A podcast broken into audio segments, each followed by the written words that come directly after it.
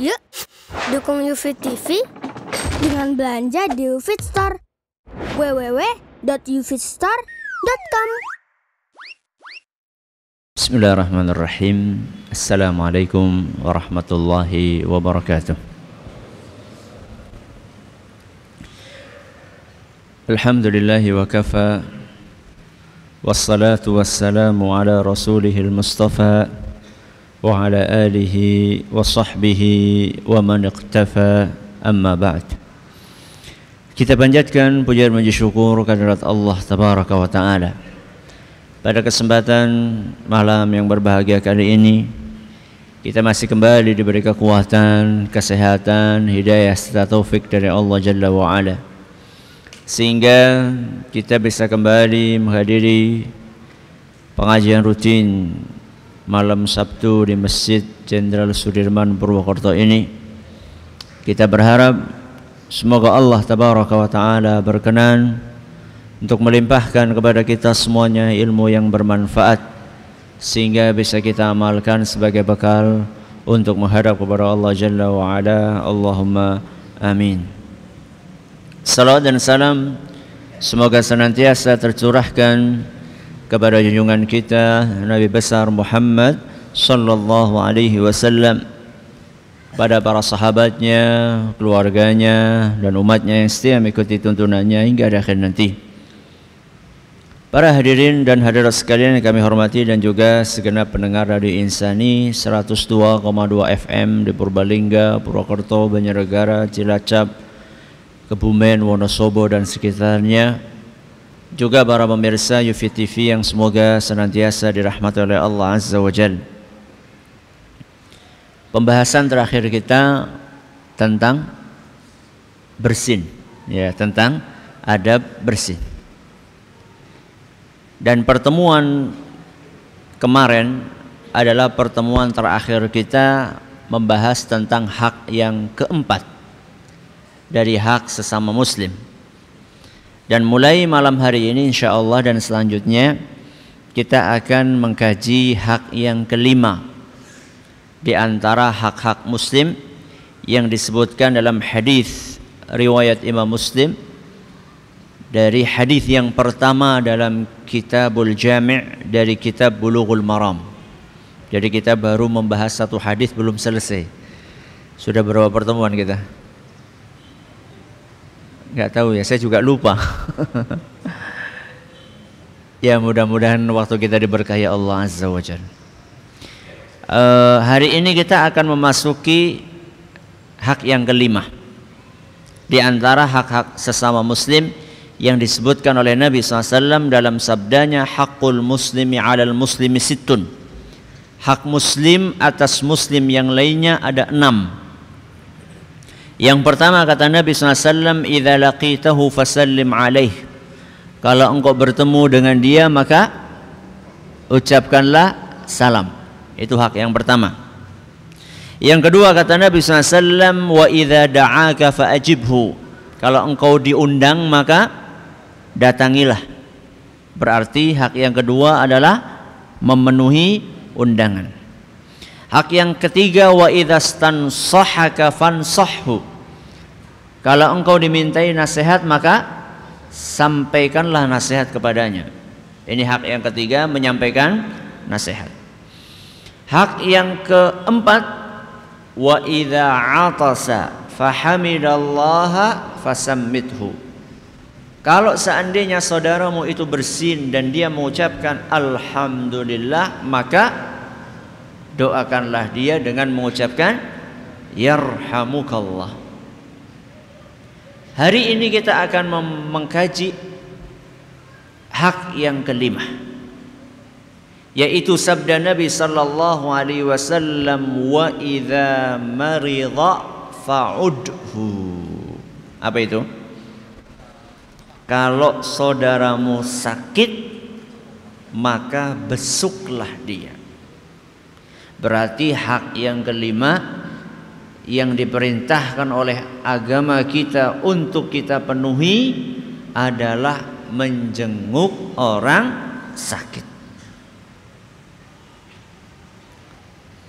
Orang sakit yang kita kenal atau yang nggak kita kenal? Yang kita kenal atau yang tidak kita kenal? Semuanya. Temenan. Jenengan yang dikenal sakit jenguk apa enggak? Sing dikenal beora dibesuk apa maning? Sing ora kenal. Kalau kita baca hadis ini, idza maridha fa'udhu. Kalau dia sakit muslim maka besuklah dia. Hadis ini tidak membeda-bedakan, pokoknya asal muslim sakit besuk. Sehingga para ulama kita menyimpulkan bahwa hadis ini menunjukkan siapa pun yang sakit asal dia muslim maka kita diperintahkan untuk membesuk dia. Gak kenal Ustaz, walaupun gak kenal, Siko kepriwe takoni kok si siapa?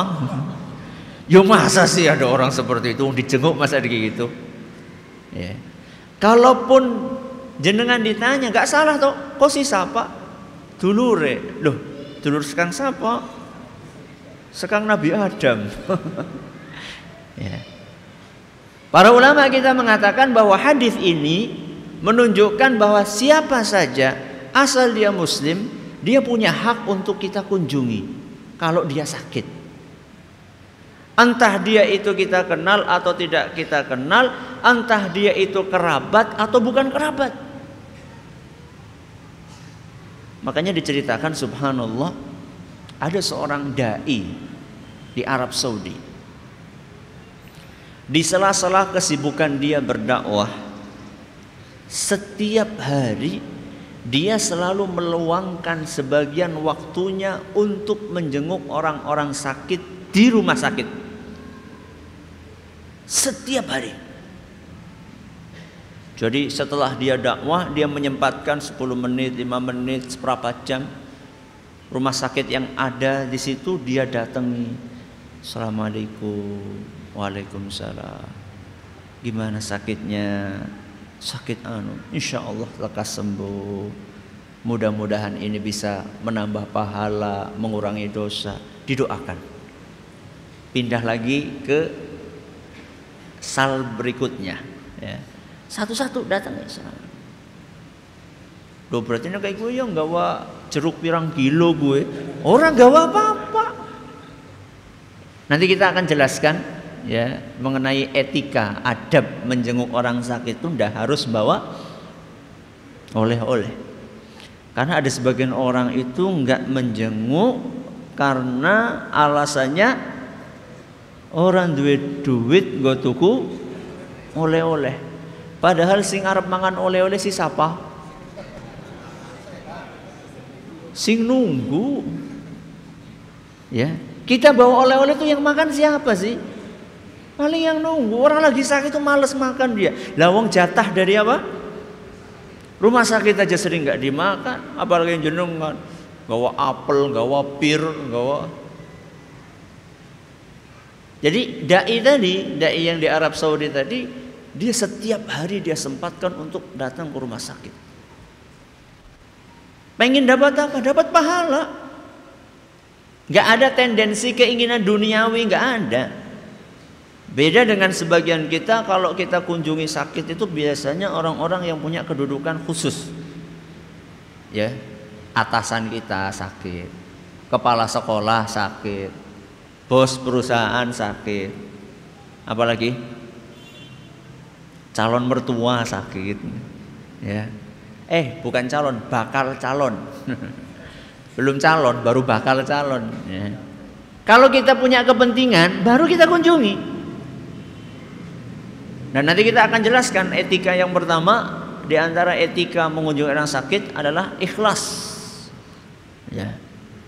Jadi kalau misalnya kita kunjungan mengunjungi orang sakit cuma karena kita punya kepentingan duniawi, karena dia bos kita, yo masa sih bosnya laro roti besuk. Nanti kalau misalnya gaji kita dikurangi gimana? Berarti kan bukan sesuatu yang sifatnya ikhlas karena mengharap ridho Allah Subhanahu wa taala. Ya. Yang seperti itu gimana dapat pahala? Karena salah satu syarat supaya amalan kita diterima oleh Allah Subhanahu wa taala kan harus apa? Ikhlas. Ya. Makanya Nabi kita Muhammad SAW dalam hadis ini disimpulkan oleh para ulama bahwa siapa yang dibesuk siapa saja entah kita kenal atau tidak kita kenal entah dia kerabat atau bukan kerabat kemudian kalau kita baca hadisnya hakul muslim alal muslim hak muslim atas muslim yang lainnya Kesimpulan sementara kita kalau kita baca hadis ini saja yang berhak untuk dijenguk adalah orang sakit yang muslim. Kesimpulan sementaranya. Kalau kita cuma baca hadis ini saja. Karena hadis ini bunyinya di awal hadis hakul muslimi alal muslim, hak muslim atas muslim yang lainnya. Gak ada disebutkan di situ non muslim. Berarti kesimpulan sementara kita kesimpulan sementara. Berarti bisa jadi kesimpulan itu berubah. Kesimpulan sementara kita kalau kita baca hadis ini tok maka yang berhak dijenguk hanya orang sakit dari kaum muslimin. Kalau non muslim bagaimana? Kalau berdasarkan hadis ini enggak. Akan tetapi ketika kita membahas hukum agama nggak boleh modalnya cuma satu hadis satu ayat.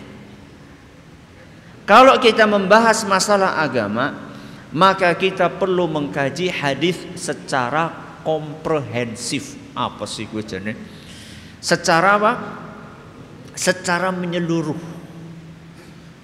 Dalilnya dikumpulkan semuanya, Qurannya, hadisnya, keterangan ulamanya, baru akan bisa menyimpulkan kesimpulan yang benar. Seringkali kesimpulan keliru karena cuma membaca satu dalil, dalil yang lainnya dikesampingkan. Itu salah satu pemicu kesimpulan keliru. Makanya para ulama kita ketika mereka membahas satu masalah, dalilnya akan ditutup, dibawakan semuanya. Kalau orang yang nggak paham, lojon, arep pamer apa dalil akeh. Mungkin sebagian orang, mungkin ya, Semoga sih nggak ada. Lah ngaji nang jensut kayak kedawan. Kesuwen. Hadis siji nganti. Berapa bulan? Ya saya pertama kali ngisi di sini kapan? Ya saya juga lupa. Ya. Hadis siji nganti pirang bulan. Ya mungkin karena keterbatasan ilmu saya sehingga nggak bisa untuk makbleng sekali langsung disampaikan karena saya juga butuh waktu untuk baca ini baca ini baca ini. Untuk menyampaikan sesuatu diharapkan kesimpulannya ini nggak keliru. Kalau misalnya cuma satu hadis saja kita ambil maka akan terjadi kekeliruan dalam menyimpulkan. Contohnya masalah ini saja. Kalau kita baca satu hadis ini tok maka kesimpulan sementaranya non muslim nggak boleh dijenguk. Karena di sini berlaku kepada sesama muslim. Tapi masalahnya praktek Nabi SAW dalam kesehariannya, apakah beliau hanya menjenguk muslim yang sakit tok? Atau ada kejadian Nabi menjenguk non muslim? Ketika kita baca hadis-hadis yang lainnya, ternyata kita temukan Nabi SAW pernah menjenguk orang Yahudi. Yahudi muslim apa non muslim? Ya non muslim jenengan itu Yahudi. Nabi SAW pernah menjenguk musyrik. Gak Yahudi, gak Nasrani, musyrik. Nabi pernah jenguk. Berarti dari situ kesimpulannya apa Ustadz? Para ulama kita mengatakan bahwa kesimpulannya non muslim pun boleh dijenguk. Tapi ada catatannya kata mereka. Catatannya kalau ada maslahatnya. Apa? Kalau ada maslahat. Maslahat si apa Ustadz? Maslahat ya sesuatu yang apa ya? Maslahat bu paham ya maslahat ya? Apa maslahat? Ada kebaikannya lah. Contohnya apa Ustadz? Contohnya orang itu non muslim kira-kira kalau dikunjungi bisa didekati tertarik terhadap agama Islam. Syukur-syukur ngemben melebu Islam. Itu namanya maslahat. Dan nanti kita akan lihat Nabi SAW kenapa mengunjungi Yahudi, kenapa mengunjungi musyrik kita akan lihat. Maslahat yang ditimbulkan apa? Ya. Atau kata sebagian ulama yang lain dalam rangka menunaikan hak terhadap non muslim itu. Ustadz non muslim apa punya hak? Punya. Mungkin dia tetangga kita. Ngarep rumah non muslim. Walaupun dia non muslim karena dia tetangga maka dia punya hak tetangga. Karena para ulama kita mengatakan bahwa tetangga itu tiga level. Tetangga tiga level. Ada yang punya tiga hak, ada yang punya dua hak, ada yang punya satu hak. Level yang paling tinggi yang punya tiga hak adalah tetangga yang saudara, kerabat maksudnya, tetangga yang kerabat yang muslim. Wis muslim, tetangga, kerabat. Berapa haknya? Tiga. Ini level tetangga yang paling tinggi dan rata-rata tetangga kita di kampung seperti itu. Kalau yang di perumahan lain masalah. Kita bicara di kampung. Rata-rata di kampung gue sederet apa? Dulur kok. Pak Dene, Bu Dene, Pak Like, Bu Like. Pinggirnya maning? Uwane, uwane ya, uwa ya sama ya.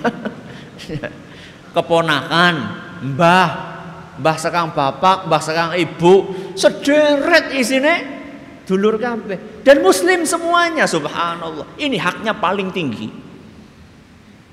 Tapi akeh-akeh justru ribute karo gue.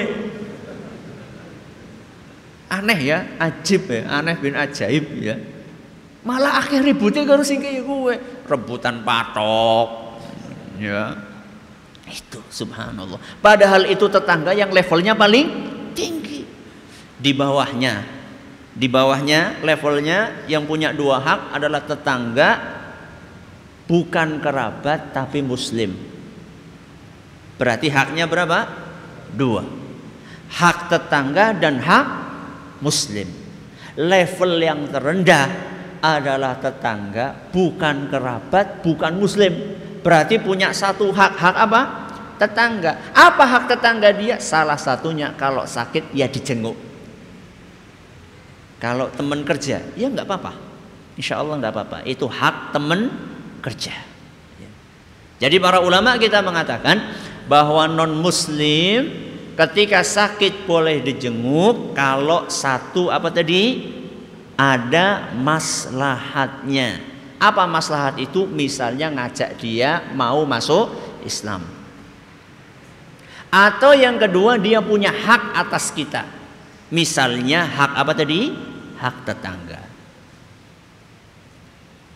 Aturan-aturan tadi itu disimpulkan dari mana Ustadz? Ya dari hadis-hadis Nabi SAW. Para ulama itu ketika menyimpulkan mereka nggak ngawur. Ketika menyimpulkan mereka berdasarkan hadis-hadis yang ada. Saya akan bawakan dua hadis yang menunjukkan bahwa Nabi SAW menjenguk orang sakit walaupun dia non muslim. Dan apa misi Nabi SAW di balik kunjungan tersebut? Hadis yang pertama.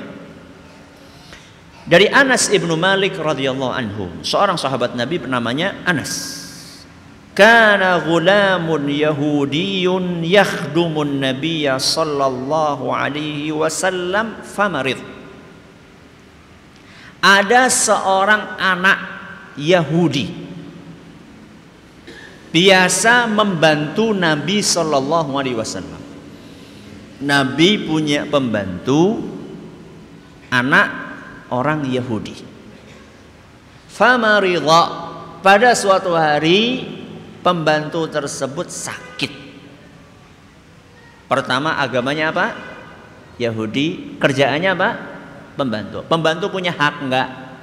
Punya. Karena pembantu ini punya hak atas majikannya.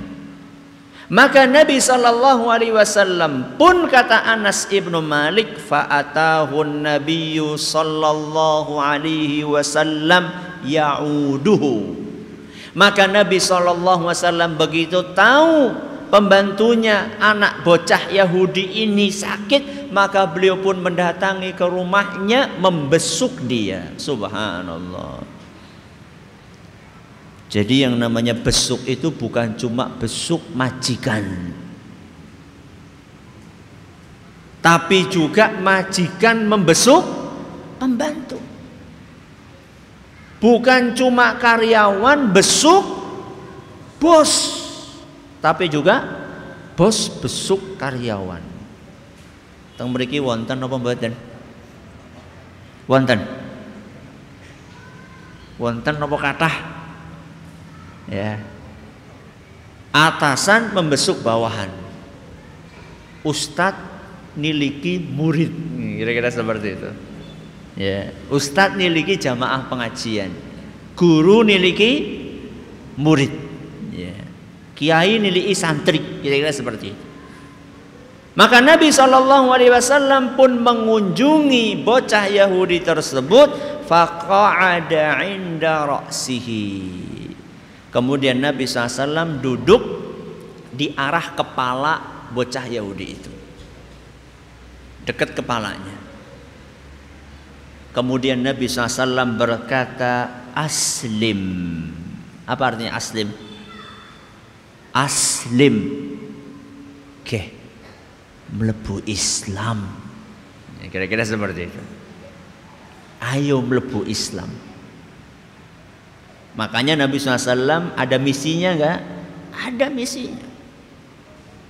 Loh berarti kalau misalnya kita berkunjung ke orang non muslim berarti kita harus kayak gitu saat ujuk-ujuk oke melebu Islam ora ya nggak harus seperti itu yang namanya dakwah kan butuh apa proses bikin dia simpati dulu sama jenengan ya Nanti kita akan jelaskan boleh kita mendoakan bahkan di rukyah pun boleh. Nanti kita akan jelaskan etikanya. Salah satu ketika kita bahas adab menjenguk orang sakit. Merukyah non muslim itu boleh. Lawang non muslim harus menyuntik muslim baca bismillah. Masa kita muslim menjenguk non muslim? Ya.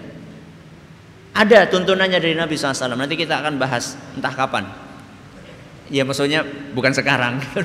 Entah pertemuan yang keberapa nanti kita akan sampai ke sana. Makanya terus hadiri kajian ini. ya. Maka Nabi SAW pun mengatakan aslim, ayo masuk Islam. Dan di situ ada bapaknya, subhanallah. Nabi SAW berani ya. ya. Ada bocah, ada bapaknya di sampingnya. Bapaknya Yahudi, ya Yahudi lah. Berarti tadi kita anaknya orang Yahudi, maka ketika ditawari oleh Nabi SAW untuk masuk Islam, nadhara ila abihi wa huwa indahu. Maka kemudian bocah itu ngelihat bapaknya. Maksudnya minta pertimbangan bapaknya. Kepriwe kira-kira. Itu seperti itu. Apa nyong manut apa ora? Akan saya ikuti atau tidak? Advis masukan dari Muhammad ini Subhanallah. Apa jawaban bapaknya? Ati' Abul Qasim. Wahai anakku, taati perintahnya Muhammad. Subhanallah. Bapaknya nyuruh anaknya untuk mentaati perintahnya Nabi kita Muhammad SAW untuk masuk Islam. Fa aslama. Maka kemudian bocah itu masuk Islam. Dan seingat saya dalam beberapa riwayat disebutkan anak itu setelah syahadat meninggal dunia. Allahu Akbar. Ya. Coba panjenengan bayangkan apa kira-kira yang membuat bapak Yahudi tadi nyuruh anaknya mematuhi Nabi kita Muhammad SAW. Kira-kira karena apa? Karena apa kira-kira? Percaya. Karena dia percaya Muhammad ini walaupun beda agama gak akan menjerumuskan anaknya. Kepercayaan itu muncul dari mana? Muncul dari ketemu sejam rong jam, muncul dari interaksi yang begitu lama dan selama itu baik Nabi kita Muhammad SAW. Jadi dakwah itu butuh proses. Apakah kita dengan tetangga kita non muslim itu sudah baik perilakunya atau belum? Lawang perilakunya jelek kok ngajak orang masuk ke dalam agama Islam gengen yang lebih Islam. Lah, Islam kayak kowong wong ya sorry ya. Kita ini sudah bisa menjadi masterpiece. Eh, apa sih masterpiece? Menjadi uh, apa? Perwakilan Kita ini sudah bisa mewakili ajaran Islam atau belum? Mewakili kepada maksudnya perilaku kita ini loh. Tutur kata kita ini loh, bisnis kita itu loh. Etika kita ini loh, sudah bisa mewakili ajaran Islam atau belum? Sehingga orang yang melihat kita kemudian engane wong Islam kuwi nek ketemu karo wong liya nyapa ya. Kalau ada orang sakit jenguk ya. Kalau ada orang kesusahan bantu ya. Oh, ternyata Islam tuh indah ya. Oh, ternyata orang Islam itu kalau lewat baunya wangi ya. Atau sebaliknya. Wah, John, Aku nek per-per ora kuat temenan. Ambune kuwi lho. Ya gimana dia mau tertarik masuk ke dalam Islam kalau misalnya kita sendiri perilakunya tidak sesuai dengan ajaran Islam. Makanya bapak Yahudi tadi gak pikir panjang, gak ada ceritanya di sini. Gak tahu kalau riwayat yang lain ya. Riwayat yang ada di depan di depan di hadapan saya ini Begitu anak itu nengok ke bapaknya, minta pertimbangan, bapaknya langsung mengatakan ikuti perintahnya Abul Qasim. Abul Qasim itu julukan atau uh, julukannya siapa? Nabi kita Muhammad SAW. Kunyahnya Nabi kita Muhammad SAW. Ya. Gak diceritakan di sini, anu bapak Yahudi itu kok disit ya, tak pikir disit ya sedina rong dina. Enggak. Langsung saat itu juga. Berarti kan percaya banget sama Nabi kita Muhammad SAW. Maka begitu anak Yahudi tadi mengucapkan syahadat, kemudian seingat saya dalam riwayat dia meninggal dunia, selesai itu Nabi kita SAW keluar rumahnya orang Yahudi tadi sambil berkata, Alhamdulillahilladzi anqadhahu minan nar. Alhamdulillah. Bukan alhamdulillah mati. Alhamdulillah segala puji bagi Allah yang telah menyelamatkan bocah ini dari api neraka. Allahu. Ya. Jadi Nabi SAW itu yang ada di benaknya adalah bagaimana menyelamatkan orang dari api neraka. Itu yang ada di hatinya. Jadi kalau sampai ada orang selamat dari api neraka, senang banget Nabi kita Muhammad SAW. Bukan seperti sebagian orang di zaman kita ini ketika ngelihat saudaranya salah, alhamdulillah senang banget nyongke salah. Bukan. Tapi bagaimana kita menyelamatkan orang ini supaya segera meninggalkan perbuatannya. Seperti di zaman kita ini banyaknya LGBT. Apa gue LGBT? Yang suka sesama jenis. Jadi kita ini jangan cuma menjelek-jelekkan saja, tapi kita pikirkan kita kepriwe carane ben selamat meninggalkan perilaku jelek itu. Itu yang perlu kita pikirkan serius. Termasuk tetangga-tetangga kita yang non muslim. Saya yakin di sini yang hadir di sini banyak yang satu perumahan dengan non muslim. Nggih napa mboten? Sabun binten tahun. Macam-macam Ustaz, ada yang sudah 60 tahun. Kawit zamane buyute. Apa yang sudah kita lakukan untuk mengajak dia ke dalam agama kita? Ya nggak mesti kita harus ngasih dia buku. Perilaku kita bagaimana kepada dia? Sudah, ini hadis yang pertama. Hadis yang kedua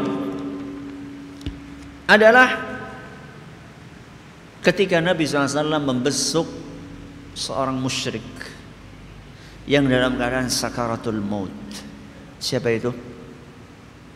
Siapa? Pamannya sendiri. Siapa? Abu Talib.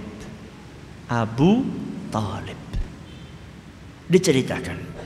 Lama hadarat Abu Talibin wafatu ja'ahu Rasulullah SAW. Ketika Abu Talib sedang sakit parah, lagi sekarat, Rasulullah Sallallahu Alaihi Wasallam datang membesuknya. Fawajada indahu Aba Jahlin wa Abdullah bin Abi Umayyah bin al-Mughirah. Ternyata begitu Nabi sampai di situ sudah ada di sampingnya Abu Talib dua dedengkot kaum musyrikin. Siapa?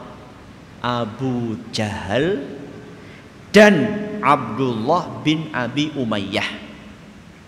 Ada berapa? Dua. Abu Jahal sama Abdullah bin Abi Umayyah. Faqala Rasulullah SAW. Maka Nabi SAW tidak ingin buang-buang waktu. Karena kondisi sedang kritis. Maka Nabi SAW langsung berkata, Ya Am, Wahai pamanku. Wahai pamanku. Qul la ilaha illallah. Tolong Baca Ucapkan La ilaha illallah. Kemudian Nabi SAW memberi alasan Kalimatan ashadu laka biha indallah. Dengan kalimat ini wahai pamanku aku bisa bantu kamu di sisi Allah. Jadi Nabi ini sayang banget sama pamannya karena pamannya juga sayang banget sama Nabi SAW. Ya. Bagi yang menghadiri pengajian tafsir beberapa saat yang lalu kita sudah jelaskan bagaimana sayangnya siapa? Abu Talib kepada ponaannya ini yaitu Rasulullah SAW. Maka dia pun mengajak, wahai pamanku, ucapkanlah ilaha illallah. Kalau kamu mengucapkan kalimat, saya bisa bantu kamu, tapi kalau tidak, saya angkat tangan, gak bisa. Begitu Abu Talib mau mengucapkan la ilaha illallah, qala Abu Jahlin wa Abdullah ibnu Abi Umayyah. Di samping kirinya ada Abu Jahal dan Abdullah bin Abi Umayyah segera berbicara ya Aba Talibin atarghabu an millati Abdul Muttalib? Wahai Abu Talib sejak kapan sejak kapan kamu benci kepada agama nenek moyangmu sendiri? Yaitu siapa? Abdul Muttalib. Sejak kapan kamu nggak suka sama ajaran kakekmu sendiri, bapakmu sendiri yaitu Abdul Muttalib. Bingung dia. Dan di sini kita perhatikan bagaimana liciknya Abu Jahal dan Abdullah bin Abi Umayyah memainkan emosinya siapa? Abu Talib. Dimainkan emosinya. Saya yakin nggak ada di antara kita yang mau dikatakan durhaka sama orang tuanya, nggak ada. Tapi ini dijadikan sebagai senjata. Ini politikus ulung ini. ya. Jadi dimainkan perasaannya. Ente mau tinggalkan agama nenek moyang kamu. Apa jadinya nanti kalau misalnya kamu mati meninggalkan agama nenek moyangmu sepanjang zaman akan dikatakan Abu Talib durhaka sama orang tuanya sendiri. Apa nanti kata orang? Bingung dia. Kepriwe ya ya. Sebenarnya Abu Talib tahu bahwa ajaran yang dibawa Muhammad itu benar. Bahkan dalam sebuah syair Abu Talib pernah mengatakan, Wallahi demi Allah aku tahu bahwa agama yang kamu bawa wahai Muhammad agama yang paling benar di muka bumi ini. Loh terus kenapa ente nggak mau masuk Islam? Laula makhafata malamatin karena aku takut dicela sama kaumku alias ora kepenak. Bayangkan ora kepenakan gue bebayani. Ya. Kan kadang-kadang orang seperti itu kan. Jadi ngasih kayak gue, lah ya ora kepenak karo tanggane lah. Ada nggak kayak gitu? Ada padahal wis ngaji. Bahaya loh. Kecuali nek orang kepenake dalam sesuatu yang positif itu lain masalah tapi dalam sesuatu yang negatif. Maka kemudian ketika Abu Jahal ngomong seperti itu, Nabi SAW langsung menimpali, wahai pamanku ucapkan la ilaha illallah. Abu Jahal enggak mau kalah, dia tetap mengajak Nabi eh, mengajak Abu Talib untuk tetap berada di atas agama Abdul Muttalib sampai kalimat yang terakhir dia ucapkan bahwa dia tetap setia di atas agamanya Abdul Muttalib alias meninggal dalam keadaan apa?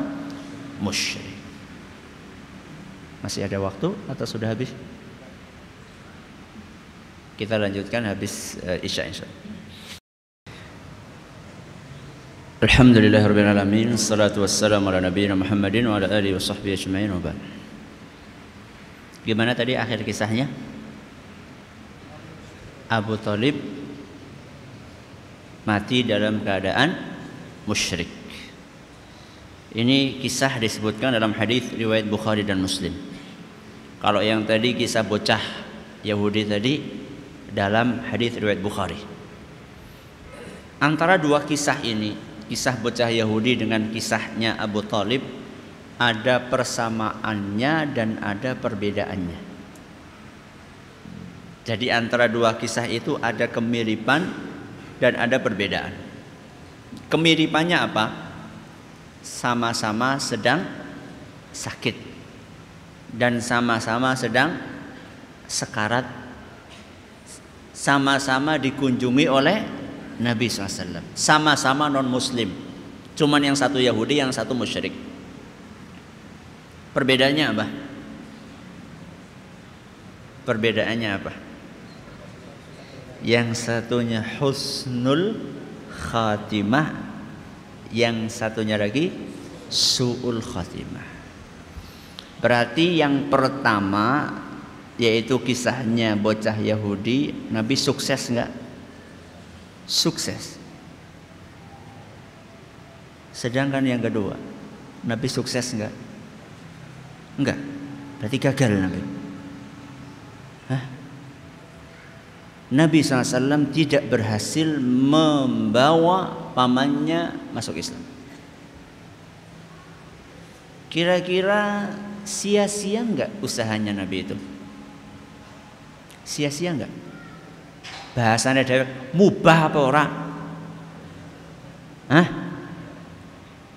Sia-sia enggak? Enggak. Enggak masuk Islam kok. Sudah mendapatkan pahala. Inilah yang kadang-kadang kurang kita sadari. Ya.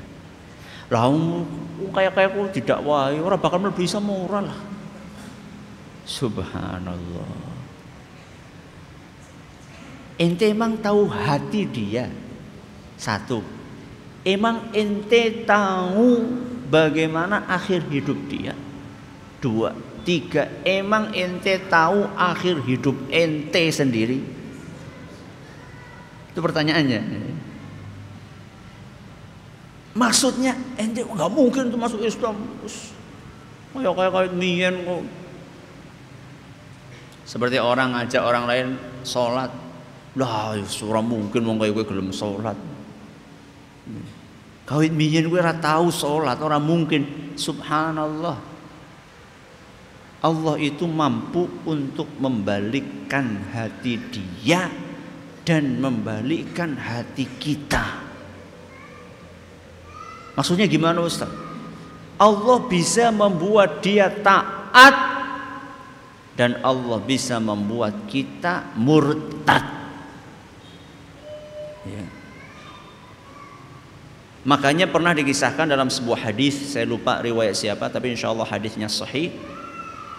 Ya, ada seorang ahli ibadah melihat orang lain maksiat terus. Dinasehati nggak mau. Nasehati nggak mau. Nasehati nggak mau akhirnya jengkel dia mengatakan wallahi demi Allah Allah nggak akan ngampuni kamu.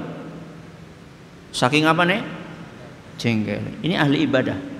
Ahli ibadah negur ahli maksiat. Bolak balik nggak mau nggak mau. Sampai akhirnya dia jengkel nyupatani ya. Dia sumpah serapah demi Allah kamu tuh nggak akan diampuni sama Allah.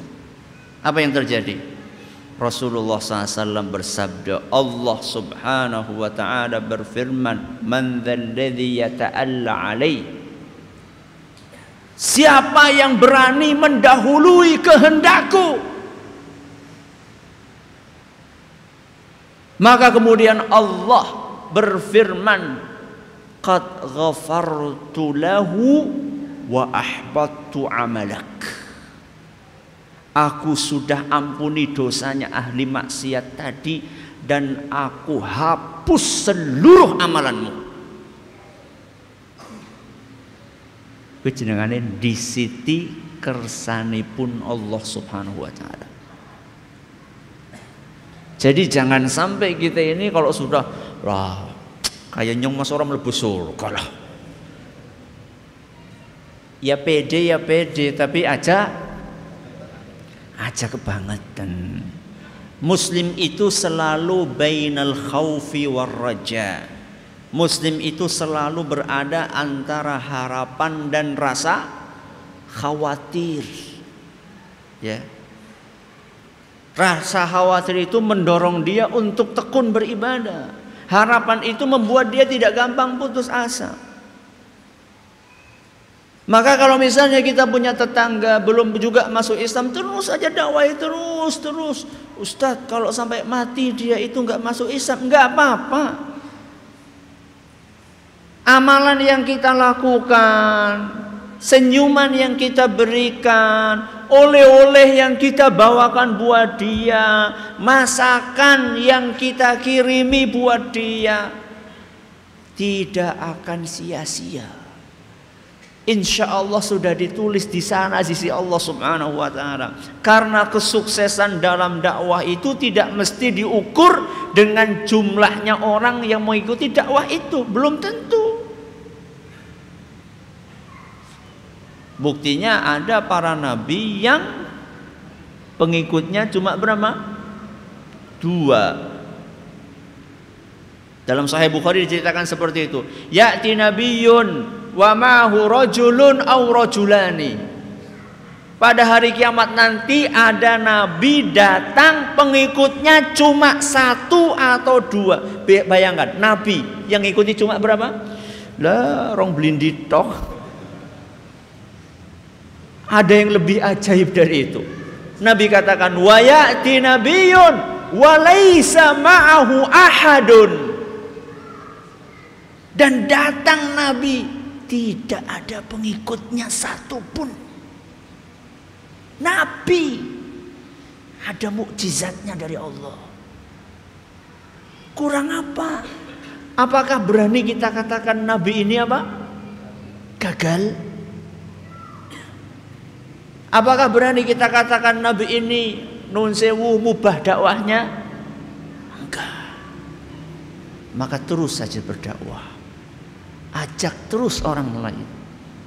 Jangan pernah putus asa. Walaupun dia tidak mengikuti apa yang kita ajarkan dan kita ajak kepada dia. Ini sebenarnya di depan saya masih ada pembahasan yang lain. Tapi karena waktunya sudah mepet yaitu pembahasan anu orang sakitnya itu yang dijenguk itu sakit yang kayak apa?